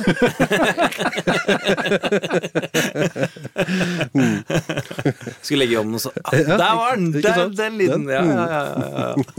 Men det er altså på dette filmmusikkstudioet. Altså, hva er det du hva er det som er annerledes med å lage musikk til film enn å skrive musikk til eh, altså for bare lytting, på en måte? Ja, den er jo styrt av en handling til en viss grad, da. Ja. Eller i en veldig stor grad, egentlig. Styrt av en handling, og skal også styre handlinga, ikke sant. Musikken foregriper jo veldig ofte det som egentlig Mm. ikke sant? Du skjønner at å, nå kommer spøkelset snart. Det er fordi musikken har fortalt deg det, gjerne. Ja, ja. Så, men, men eh, man er jo helt styrt av sånne tidsting, da, på en måte som man ikke er i, i musikk ellers. ja. Også, og det formatiske formløpet òg, liksom. Det er ikke noe sånn Det er sjelden det funker med ABA, liksom. ja, ja. du skal alltid fra et sted til et annet. Eller så er det bare helt kontinuerlig et sted. Altså, det er en helt annen måte Sånn formmessig, det er kanskje det viktigste, egentlig. Ja, altså, og det er sånne ting som jeg, det tenker jeg det er jo, det er jo på en måte films, filmspråket. på en måte, Men sånn i forhold til liksom eh, harmoni og sånt nå, hvordan bruker man det når man skriver eh, til musikk? altså For å få fram den s- stemninga. Men man har jo, har jo sett intervjuer med John Wilson. Altså hvordan, altså ja, Ja. Den, den akkord, altså de akkordene eller det er, Mm. altså, det er ikke bare som om det er en mollakkord eller om det er en durakkord, men det er jo om, om det er som A-moll er litt mer sånn og, ikke sant, og så. Mm. Hvordan, eh, hvordan bruker man det? Ja, det er, det er veldig sånn sjangeravhengig, egentlig. Sånn som John Williams har jo, er jo veldig i, i den retninga, og alt sånn som er av den type eventyrfilmer, liksom, er ofte mye mer sånn uh, hvor man kan tillate seg mye større ting, da. Um, og der er det som du sier, at man liksom bruker egne moderasjoner for å liksom skape nye univers, eller eh, og nå, dette er noe magisk, og det hører man av Celestan som spiller sånn heltonerekker. Altså, det er mye sånne ting, ikke sant? Um, som det, er, det er jo en måte klisjeer, men det funker jo Ja, det funker jo fortsatt. Så det, Men så er det jo en del Av og til så kan det bli for mye klisjeer òg, ikke sant? At det blir forutsigbart. Da, og det syns jeg Jeg syns nok en del uh, av filmmusikk ser, er det. Det er ikke alt av filmmusikk jeg syns er særlig spennende, egentlig. Av og til så er en del kjedelig òg. Men det som er morsomt, sånn som jeg har fått jobbe med filmmusikk, og som vi for så vidt gjorde på Lillehammer òg, at det var veldig sånn sjang, Du kan jo blande alt mulig av sjanger, ikke sant? og det syns jeg er gøy, særlig med Newman, for eksempel. Randy Newman og Thomas Ja. Newman, og de her som har laget til denne Toy Story og de her. De gjør det, da. Så innmari lekkert. Plutselig så er det ragtime, og så er det liksom eh, wienerklassisk musikk, og det er helt sånn For det, det, det spiller ikke noen rolle, ikke sant? Og det er veldig artig. Men er du, er du eh, filmnerd òg? Altså, du er, må jo være noe litt musikknerd med alt eh, som du følger med på, men er du Ja. òg eh, liksom filmnerd, eller er det mer den musikken inn i filmens verden som interesserer deg? Eh, nei, går det vil- å skille de? Kanskje det blir kunstig å skulle skille de? Nei, da, nei, det tror jeg du kan. For at jeg er ikke filmnerd, en filmnerd på den måten at jeg kan navn på alle regissører og sånn i det hele tatt. Jeg er kjempedårlig på det. Eh, men jeg er veldig glad i å se på film, og jeg, gjerne, altså jeg liker veldig godt å se litt sånn type indie-film. Så jeg er ikke så ivrig på å få sett alle de store blockbusterne, liksom. Um, og så i det siste jeg har jeg blitt veldig på europeisk film. Ja, Så jeg er ikke noe sånn Hollywood eh. Men sånn er jeg egentlig med musikk også. Jeg er blitt mer og mer søker til eh, ja, andre ting enn amerikanske ting, da. Men kanskje særlig på film og TV. Ja. Hvis man skal greie å si noe om eh, eh, kvalitetstegn, altså hva er det som skiller eh, god filmmusikk fra ja, vet ikke, dårlig eller Ja. kjedelig, Mm. eller jeg vet ikke, ja. Ja. Den, eh, den du føler du har hørt før, hva er det som Mm, ja, kan gi deg den derre ja, men Det er jo akkurat det du sa der, den du føler du har hørt før. Ja. Da trenger vi den ikke. Nei. Nei da, men det, det er jo det er litt vanskelig der, for at ofte så er det sånn at uh, du husker en film som var innmari god, men hva var musikken egentlig? Da var sannsynligvis musikken også innmari god. Ja, Ikke sant? Ja, ikke sant? For at den skal være en del av filmen. da Så du skal Det er liksom en del av uttrykket. noe for deg selv, nei. Nei, ikke nødvendigvis, Men men, gjerne, men gjerne at den skal tåle det òg, tenker jeg Ja. da. Ikke sant? Ja, for, for det er det ikke all musikk som gjør når du hører Nei. på Når du finner en filmscore som, som setter på, så er det Ja. ikke helt det samme. Ja, ikke sant. Men jeg, jeg tenker også på disse som skriver disse eh, musikkstykkene til film, sånn, de, de spyr jo ut mengder med musikk, da. Ja, det gjør det. Så Som type Hans Zimmer. eh, Jo, jo, ja. Han er kanskje ganske ekstrem også, men jeg tenker da hvordan hvordan klarer du liksom å lage så mye musikk? For altså, det er ganske mange minutter musikk de skriver. Ja, ja. En del av de, de her, eh, sånn type Hans Zimmer, eh, kanskje særlig, de har folk som skriver for seg, da. Ja, det er- Så de har har det er- assistenter. Det er, Så han- Men, og, John. Williams også, men det er det for så vidt ikke noe gærent i. Altså, John Williams han, eh, han skriver vel ting liksom ved piano, og så skriver han gjerne noter som er sånn type ja, kanskje seks stemmer, da. Mm. Kanskje ikke så mye nødvendigvis engang. Så skriver han liksom dette skal horna spille, og så skal strykerne komme inn og gjøre noe sånt. Men det er ikke han som skriver ut stemmene, for det har ikke han tid til. For når det gjøres, så er han i gang med neste film, liksom. Og det er, jeg syns egentlig det er helt greit. Jo, Selv om han ikke er så hands on på alle detaljer da, så er det hans uh... Grunnidé, eller Ja, Og så knytter han til seg sånn, folk som han eh, veit at kan det, liksom. Og sånn har det vel vært langt. Jeg tenker også bare Gustav Wiegand har ikke høgd ut hver eneste statue i Vindparken. ikke Nei, det kan du si. Så, så man blir mer, det, men altså, når vi er inne på det, så det blir mer sånn som en popstjerne som kommer inn og bare legger på altså, Det er jo ikke Ja. Alt arbeidet er ikke bare én er, er ikke bare den personen som Nei, står. Mm. står på plata. Ja, nei, det er viktig. Mm. Men igjen, det er jo Men er det sånn at den type, de som skriver sånne filmskoler, er det mer dagens klassiske komponister, på en måte? Ja, øh, ja Eller er det bare at det er for altså, Det er i hvert fall den klassiske, klassisk musikken jeg føler kanskje som er som man treffer mest i dag, da. Det er det jo, Hvis ja. man ikke Ja, og akkurat det er litt gøy, for at du kan treffe folk som og spørre om de liker klassisk musikk. Nei, gjør de ikke, liksom. Men, men, men liker du musikken du ser i Harry Potter-filmene? Ja, det elsker jeg, liksom. Ja, ja, nettopp. Ja, ja, ja. Det høres akkurat ut som Strauss og Maler, vet du det? så det er du. Nei, men, men om de er dagens klassiske komponister På sett og vis så er de det, men samtidig så så er det liksom litt sånn skille mellom filmmusikk og konsertmusikk. For det er jo Ja, ikke all den musikken kan som kan flyttes inn i men igjen, liksom, når Beethoven holdt på sånn, så var jo han også stor, på en måte. Ja, ja, det var han jo. Ja. Sånn at, eh, mens, da, da var jo det musikken man hørte på. For det var det man hadde. Ja. ja, og det kan du si. Altså, Hans Zimmer eh, og John Williams er jo begge et navn som veldig mange vet om her. Mm. Som jeg har hørt om. Alexander de Plau, kanskje. Eller? Ja, det er jo Newman, du, visste- du nikka på Newman. Det er sånn levende spørsmålstegn. Jeg tror det er han som har skrevet musikken til K-Pax, og det syns jeg er en av de beste soundtracks. Ja, jeg enig. For den er så American Pie òg, tror jeg kanskje. Ja, det kan stemme, det er også han, ja. Ja, nettopp. Men det er bare noe med den, den stemningen i den K-Pax som han klarer Mm, å få ja, til. det eh. Som, som egentlig gjør my mye av filmen. da. Ja. Eh, Men altså, hvor mye da, altså Har du da i hovedsak da skrevet uh, musikk til bilder sånn etter det studiet på Lillehammer? Ja. Jeg har gjort mer eh, etter det, ja. Ja. Mm. Du har jo også skrevet eh, noe sånn musikalgreier, og du er veldig sånn på disse barne... Altså sånn som den Mm. eh, Knut og Fjompenissen. Mhm. Og det tenker jeg på, det er jo en musikal, Mm. kan du si. Og så tenker jeg på den herre Det må jo være litt sånn stort å ha klart å skrive en moderne julelåt. Ja. For det er det ikke så mange, så mange som klarer. Nei. Eh, og den der eh, 'Hele jorden er pyntet til jul', er ikke det Ja. heter? Jo. mm. Det, og jeg, det er jo for meg er det blitt en julelåt. Ja, ser du det? Så gøy. Og jeg, jeg vet ikke om det, om det er en låt som spilt mye, men det har kanskje noe med at barna mine har hørt på den. Det var sånn jeg fikk en for ja. fra barnehagen med Inger Marie og sånn. Men Ah, moro. det er jo en ordentlig julelåt. Ja. ja, det Jo, jo, altså, det er, altså, jeg mener det derre å, å bli liksom akseptert som en julelåt, det skal noe til. mm. Det er ikke så mange andre som har klart det i moderne tid, Nei. kunne jeg tro.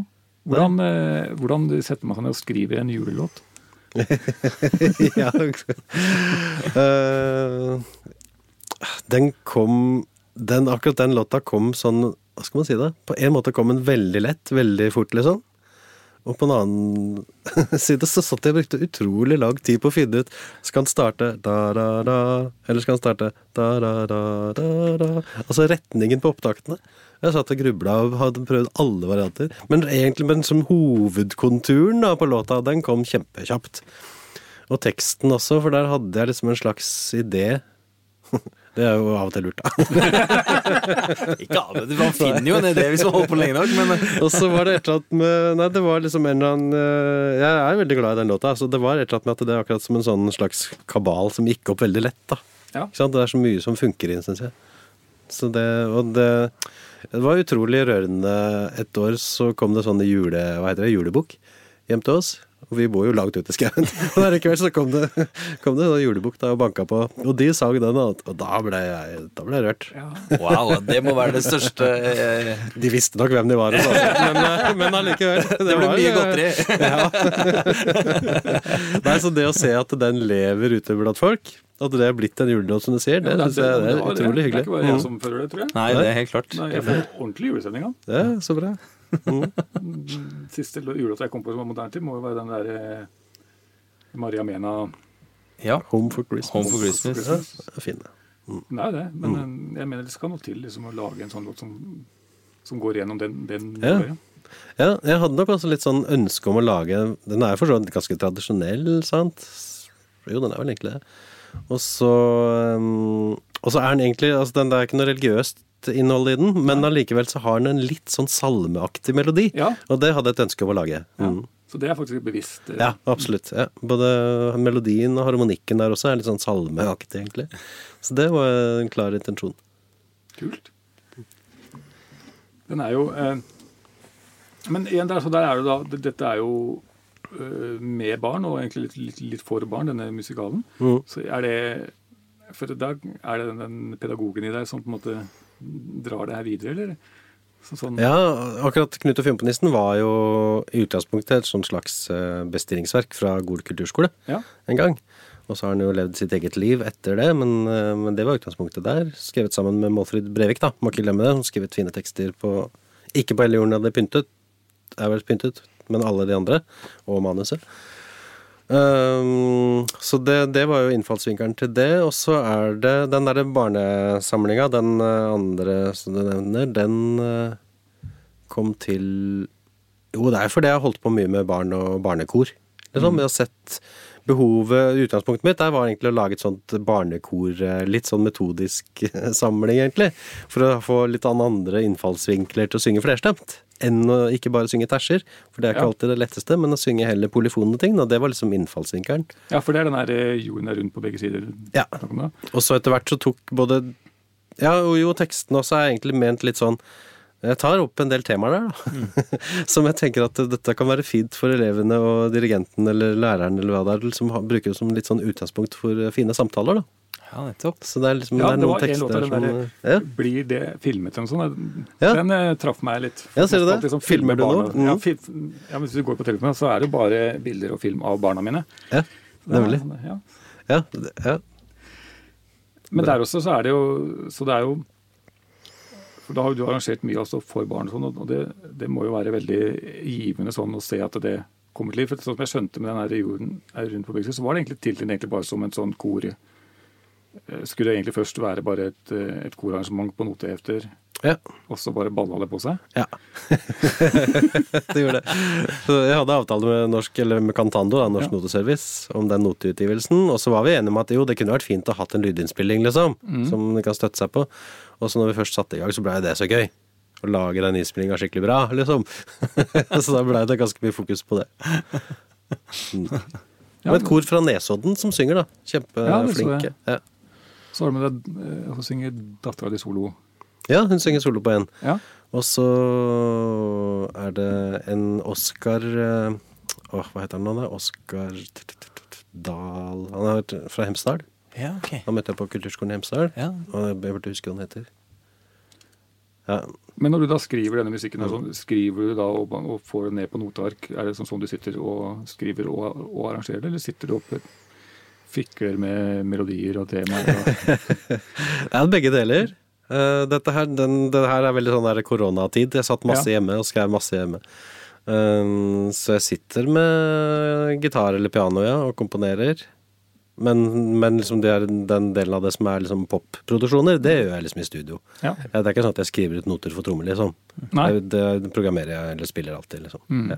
Men det er også med, med denne, her, med denne jorda rundt forbindelse. Der har du en litt annen lydatmosfære enn det vi har hørt på, de andre tingene du har gjort. Det Ja. ikke som du har sittet liksom og leika deg litt, for der er det programmerte trommer, og det er Ja, ja. noen synter, og det er mye sånn ja, det er litt sånn moderne Litt sånn R&B-aktig innimellom. og sånn. Ja, og det er absolutt. det forbinder med Arild Jensen. Nei, ja.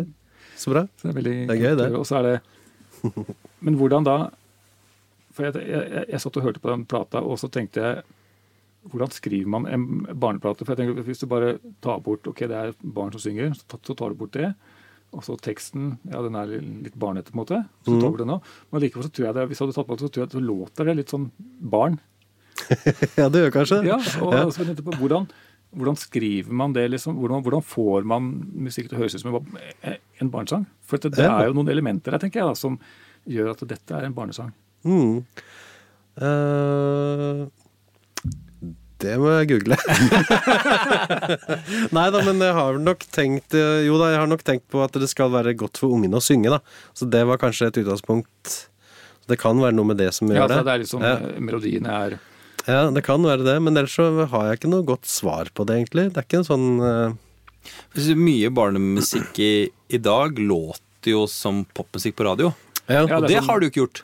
Tenker, det er ikke så lenge siden de ikke har gjort det, på en måte. I dag Nei. så har du Mm. eh, Rasmus og verdens beste band, som liksom Ja. Hele produksjonen kunne vært Odd Nordstoga. Altså, det Ja. låter på en måte likt, eller det er Ja. i hvert fall Mm. samme liksom sonisk eh, Mm. ja, atmosfære. Mm. Mens for kanskje bare 15 år siden så var det sånn barnemusikk. Det var no, noe annet. Det låt i hvert fall Ja. ikke som det som var på radio, Nei. på en måte. Ja. Nei, for det, Mm. det er jo veldig med det Mm. MGP Junior, liksom, hvor det er liksom barn Ja. som synger poplåter. ja, Mens liksom, når jeg vokste opp, så var jo Knut Ludvigsen, ikke sant. Det er jo Ja. bare barnemusikk. ja, det er det. Mm. Eh, og så har du sånne ja, Kaptein Rødskjegg kommer også litt eh, på 90-tallet der også. som er også. Det er jo noe med det. Og jeg, jeg har egentlig ikke tenkt på det før jeg hørte på den barneplaten. men Mm. Det er noe som gjør at det er barnemusikk. Annet enn Men det er, kanskje, det er kanskje også noen lyder man velger velger å bruke. Ja, det kan det Som være. kanskje appellerer, som man tenker at appellerer til unger, eller som er litt sånn morsomme eller humorlyder som man ikke helt tør å bruke ellers. da. Det kan være det, noe sånt, altså. Ja, og så er det jo også på den plata, så er det jo Der hører han jo alle sangene du har vært innom, da, for der er det jo hummer og kanari. Ja, det er det nok. Ja.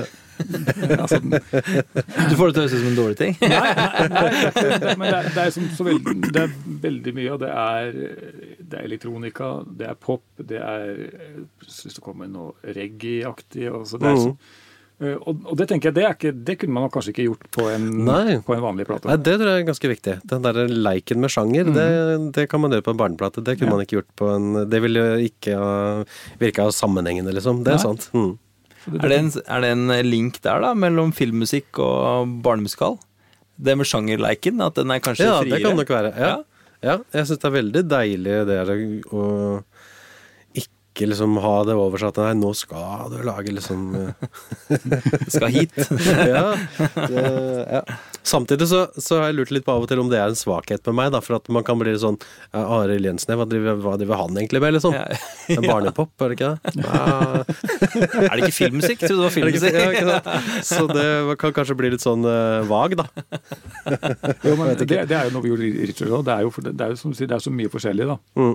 Eh, så det er, sånn, det er veldig vanskelig å putte deg i en bås, tror jeg. Mm. Sånn.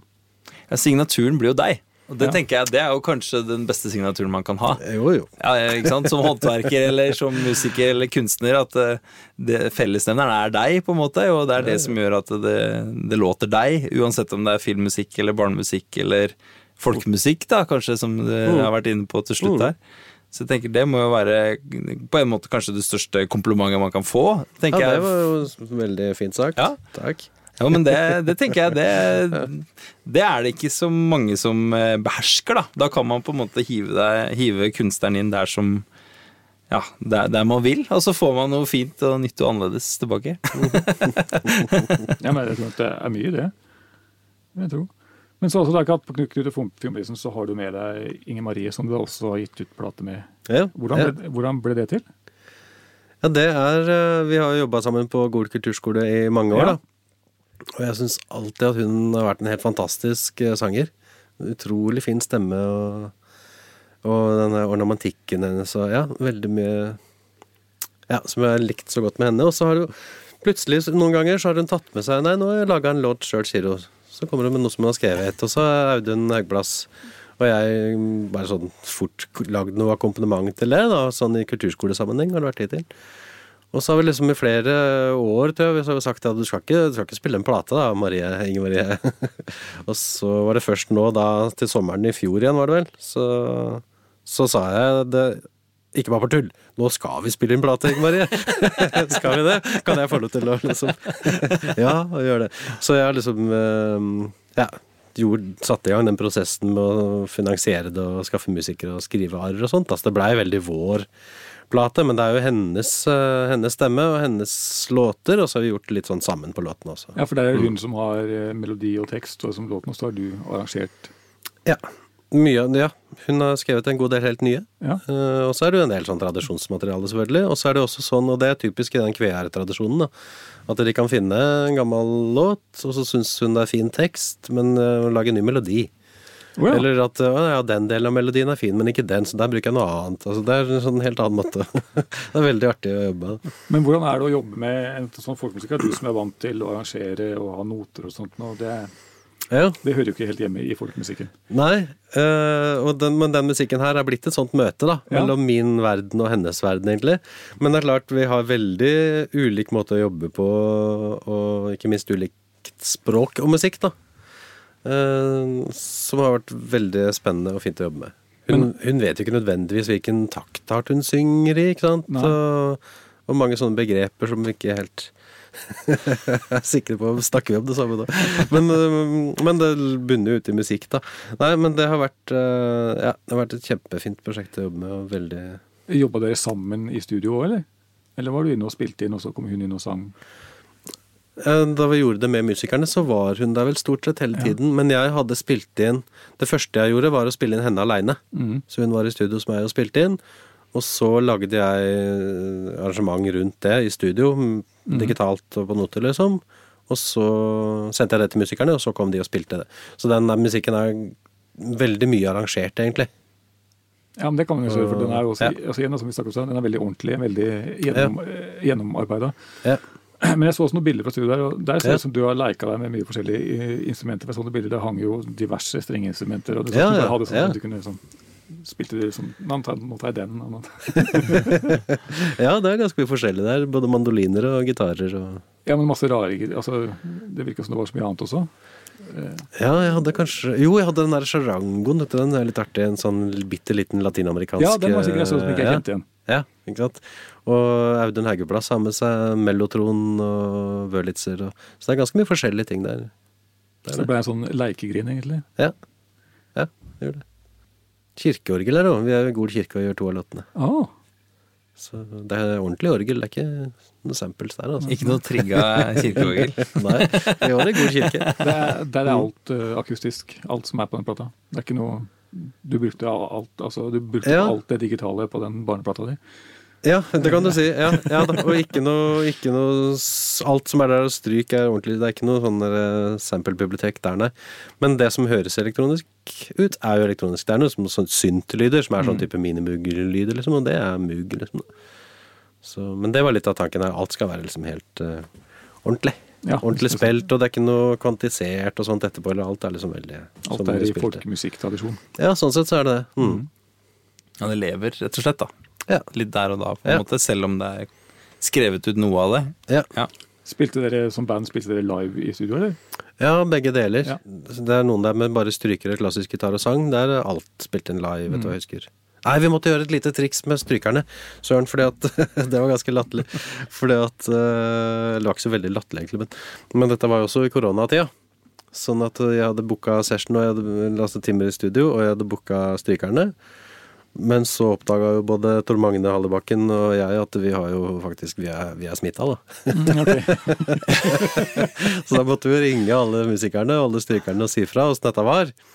For det, det er ikke alle som hadde lyst til å komme da. Og det var det ikke, da. Så hun ene som vi hadde avtalt, med, avtalt med, hun valgte å bli hjemme. Så den strykekvartetten som det høres ut som, er en trio. Han Bjørn Kåre spiller både fiolin og Ja, så han. Han døbla liksom på det. Men det ja. Det må funka være kjempefint. Det syns jeg er veldig greit. Bjørn Kåre er en fantastisk musiker, da, han som eh, liksom står for strykesession-gruppa her. Som nominerte nominert Folkelarm og fått masse priser i det siste. Ja, wow. Veldig bra fyr. Ja, så kult. Det må jeg sjekke ut. Ja. Ja, Bjørn Kåre og det. Mm. Bjørn Kåre, Ja, men det er bra. Dagens shout-out der. Ja.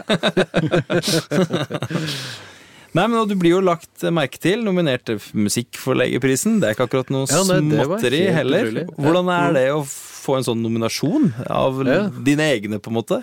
ja, nei, det var helt fantastisk. Det var jo skikkelig moro. Så da var det på med dress og liksom opp på sånn derre Du ser på sånne, den type prisutdeling, så skal man opp på en sånn der podium med sånn bakgrunn og bli tatt bilder av. Det var sånn, da. Ja, med ja, sånn. champagneglass og er ikke det hyggelig, da? Jo, kjempehyggelig. Nei, så det var veldig Det er jo, man, det er jo liksom eh, Ja, man har jo behov for litt sånn anerkjennelse av og til. For liksom bekrefte at det du gjør, eh, er det noen som setter pris på. Så det, til de grader, en sånn eh, nominasjon var jo det. Kommer det noe ut av den boosten, eller? Nå fikk du jo virkelig sånn skikkelig tommel opp, på en måte. En sånn type barnesamling 2, liksom. Ja, eller- Det var etter den den der nominasjonen kom. Det var nok basert på flere ting, men, men det var etter den. Eh, ja, det gir, alt sånt gir en boost til å fortsette, så jeg er jo i gang med flere ting. Ja. Ja, Så spennende. Så det er ikke, du er ikke ferdig ennå? Nei, nei. Nei, nei. jammen meg godt å høre. Jeg er ikke ferdig ennå. For det som er helt sikkert, er at det er ingen som vet hvor det kommer til å ende, eller hvilken vei som er rundt eh, liksom, neste sving. Det Nei. føler jeg meg veldig sikker på. Ja. Og at det er eh, Det er jo kanskje noe av det som som jeg opplever at går igjen, er jo nettopp det. At det ene tar det andre. Og, og øh, litt tilbake til starten da, med den her gnisten. Så hvordan greier du på en måte å holde den i alt det du gjør her, da? Jo, har det noe sammenheng? Det at du gjør så mange ulike ting, og den gnisten for musikk, eller er det noe, er det noe sammenheng der på noe vis? Er det en måte å bevare gnisten på, f.eks. gjennom et langt yrkesliv som kunstner og musiker og komponist? Eh, ja, altså det du var inne på det i forbindelse med den julesangen, det er å se at musikken lever liksom der ute, det gir en sånn gnist. Det gjør det. Jeg syns det.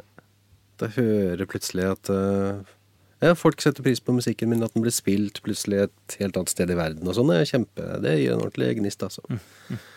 Er det på en måte andre ting som inspirerer, altså inspirerer deg til å skrive musikk i dag enn det det var når du eh, var ung? Om det er andre ting som inspirerer meg til å skrive? Ja, Uh, Hvis du tenker Eh, tilbake på hva det var som inspirerte deg til å skrive før. Ja, før så hadde jeg nok kanskje litt mer sånn her eh, press på meg at jeg skulle være nyskapende hele tiden. ja, Ikke sant? En periode så var jeg litt sånn Mens nå er jeg nok litt sånn mer avslappa i forhold til det, da. At jeg kan godt gjøre ting som jeg veit funker. det må ikke være liksom eh, Nei, uhørt alltid, da. Ting Da som- må man kanskje ha litt eh, selvtillit, da. Eller være litt trygg. Det er noe med det. Love is like a red rose. Altså, det er jo et strålende bilde, uansett hvor mange ganger man har sant? brukt det. Men for å bruke det på nytt i en ny kontekst, så må du ha litt Mm. selvtillit, eller litt tro på at det ikke det bare blir en floskel. Det er nok liksom. er sånn, Mm. Nok en floskel, men at det blir noe vakkert av et godt bilde, eller godt virkemiddel. da. Ja, Ja. ja, det er sant. Det tror jeg kanskje Mm. kan i hvert fall være noe av det. At man ser at det må man må på en måte mene det. Mm. du kan ikke bare, hvis du bare gjemmer deg bak det, så blir det kanskje nettopp en floskel. Ja. Dette, Ja. dette har funka tusen ganger, men Ja. hvis du gjør det på Ja, nei, men det, det tror jeg er riktig. Det, man må ja, ha litt sånn selvtillit for å kunne gjøre det. Hva er det? Og så- men så har jeg også blitt inspirert av det her eh, eh, Jeg er jo medlem i Komponistforeninga og er på seminarer der av og til. Og det er jo, det er veldig, det er jo mye samtidsmusikk og abstrakt elektroakustisk musikk, liksom. Som jeg ikke Det kan ikke jeg lage, tror jeg. Jeg kanskje jeg skal begynne med det. Ja. Nei, men, men øh, og det er ikke alltid jeg synes er så veldig glad i det heller, men jeg syns det er veldig gøy å høre refleksjonene rundt det, liksom. Og høre dem snakke om og hvorfor de har lagd og hvorfor de har gjort sånn og sånn, og hva som er tanken bak. Det syns jeg er utrolig fascinerende. Hvordan de tenker om musikk. Så det er inspirerende, da. Det gikk akkurat noe sånn, den type gnist, liksom, men, men som en sånn inspirasjon, så er sånne ting også faktisk uh, Liksom Spillerom på påfyll. B2. Ja. Ja, spillerom på P2, ja. Absolutt. Ja, men det har jo kanskje også litt med altså, å høre på musikk man ikke hører på vanlig også, så kan, det også, kan man jo bli inspirert på andre måter enn å gå i den samme Ja, me- ikke sant? melodifella. da. Absolutt. Ja. Men har du noe sånn drømmeprosjekt? Sånn der, en gang, da skal jeg gjøre da. jeg tenker, Det er egentlig mange av de så langt da, du allerede har fått gjort. Jo, jo, jo. Men noen Nei. har jo noen sånne som ligger langt bak. baki. Jo, det er noen. Jeg skulle gjerne gitt ut en sånn type plate til som den eh, med Lysthassensemblet var. Altså liksom med som er mine ting, og som er liksom litt sånn der innafor den jazzlandskapet, da. Jeg ville nok kanskje gjort eh, det selvfølgelig litt annerledes neste gang. Kanskje litt mer inn mot eh, samtidsmusikk eller klassisk musikk. Eh, Men å ha hatt et sånt prosjekt som er liksom hvor jeg, jeg er det, Alt er på mine premisser. Men med flinke musikere. Det skulle jeg gjerne gjort. Og så er jeg jo innmari glad i å skrive for stryk, så det å skrive for et større strykeorkester, liksom, det har jeg kjempelyst til. Det er guttedrømmen fortsatt. Ja, Ja. det er det. Men når du gikk på Lillehammer, da fikk dere skrive for eh, Skrev dere for uh, Ja, vi skrev for KORK. Ja, det, ikke sant? Så det er jo ganske bra, det. Ja, det var utrolig kick, altså. Ja. Hvordan er det når de spilte din musikk? Telte opp og vær så god, her kommer Arild Jensen. Ja, og så låter det så fint med en gang. De er jo så gode, vet du. Ja, nei, men det var eh, Nei, det var utrolig moro. Jeg brukte jo jeg skrev, Vi fikk i oppgave da å skrive til en sekvens fra Fritt vilt. Ja, Sånn splatter, action, skrekk, eh, thriller. Ja. Der finnes det i hvert fall noen floskler man kan bruke, hvis man ønsker. Ja, så det jeg gjorde da, var å velge meg en scene som egentlig ikke er så Det var liksom ikke de verste blodscenene, for jeg hadde lyst til å skrive musikk som jeg kunne bruke for å markedsføre meg selv litt i andre sammenhenger enn bare å skrive til skrekkfilm. Så jeg valgte liksom en scene hvor jeg kunne Jeg dro på med litt sånn der nasjonalromantikk og sånt, der, for han kjører liksom opp på fjellet og sånt noe. Ja, ja, Det er den scenen hvor han gjør det, og så kommer ei jente som har vært gjennom litt av hvert, da, som plutselig står i veien der. Så da er det jo noe lyse clustertoner og, og litt sånn, da. Men, så jeg brukte den litt sånn. Men det, det var utrolig herlig. Ja. ja. Ja, Det må være en helt sånn utrolig opplevelse å høre noe så mektig Eller så, Ja. være i det rommet Ja. og ha skrevet det. Ja. Vi har, eh, Mot slutten her så har vi en eh, ikke lov å tenke så lenge og man må svare raskt-segment her. Oi, så det er ja. fem kjappe. Aha. Og så er det jo ting som eh, vi håper kanskje er litt vanskelig å velge mellom òg. Ja, Men så er det ikke lov å si begge deler. Nei. Så da får vi se hvor lett det blir. Men tar du utfordringa? Fem kjappe det er, det er Kjapp er ikke det første adjektivet som faller i hodet når man snakker om Arild Jensen, er det? Nei, det vil jo vise seg nå. Kjapp er jo relat- er relativt. Så, Ja, ja, ja, ja, det er ja, det. det er det. så raskt du klarer. Ja. Ja, Fint. Nei, men du tar utfordringa. Ja. Ok, men Da begynner vi litt hardt og vanskelig her, da. Komposisjon eller improvisasjon? Improvisasjon. Gitar eller piano? Oi, oi, oi, oi, gitar. Akustisk gitar eller elektrisk gitar? Eh, akustisk gitar. Komponere for film eller komponere for albumformat? Mm, eh, den der røyk den der kjapp-medaljen, merker jeg. Men jeg tror kanskje Jeg tror albumformat. Ja. Jeg syns du er rask, altså. Og komponere eller omarrangere? Eh, komponere. Ah, du, dette gikk kjempebra! Jeg syns du var råra! Nei, men du, det har vært eh, virkelig et eventyr å dykke ned i alt det du har brukt eh, ditt musikalske liv å virke på. Og det er uten tvil noe som har satt spor i veldig mange ulike leire. Så det er, eh, og jeg veit for oss to programlederne her nå, så har du satt eh, spor for livet og tent, eh, den musikkinisten som gjør at man sitter her i dag og har, store, har hatt store musikkopplevelser og kan fortsette å jakte. Så det må jeg jo si tusen takk for. På vegne av eh, veldig, veldig mange som har fått uh, tent den gnisten av deg, rett og slett. Ja, tusen takk. Det er veldig hyggelig. Ja, men det, det syns jeg du fortjener å høre. Det må være. Og så helt til slutt så har vi et, eh, et annet segment hvor vi egentlig gir deg muligheten til å anbefale noen andres musikk, eller noe som du syns andre burde hørt. Og da er jo kanskje Ja. kvartett for blokkfløyte er jo selvsagt Det er ikke så mange som har hørt, kanskje. ja, Men ja, Caroline, sjekk ut Caroline Edsten Dahl og Woodpeckers Recorder Quartet. fantastisk. Det er Nei, Den men, tar vi. har, men ellers så Jeg har jo fått en sånn utrolig svakhet for musikk, altså spansk eller katalansk musikk, da. Ja, Ja, nettopp. sånn at uh, Sylvia Perez Cruz og uh, Gemma Humé og Det er vel litt sånn en en visepop-sjanger, men det er fantastisk fine ting. Ja, så kult. Så det Ja. Det var et nytt landskap. Der tror jeg noen fikk med seg noe nytt i kofferten. tusen takk for anbefalinga, og tusen takk for at du kom. Ja, takk for at du kom her. Så hyggelig.